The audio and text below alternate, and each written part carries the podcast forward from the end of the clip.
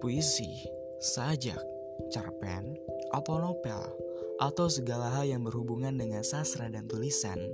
Iya, kalian berada di podcast yang tepat. Selamat datang di podcast kami, podcast tulisan jari penulis.